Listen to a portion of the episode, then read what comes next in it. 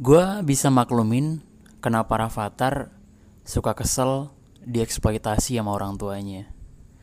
Ya, Raffi Ahmad sama Nagita Slavina. Karena dia nggak pernah miskin. Dia lahir udah langsung kaya aja. Beda ceritanya kalau Rafathar pernah miskin.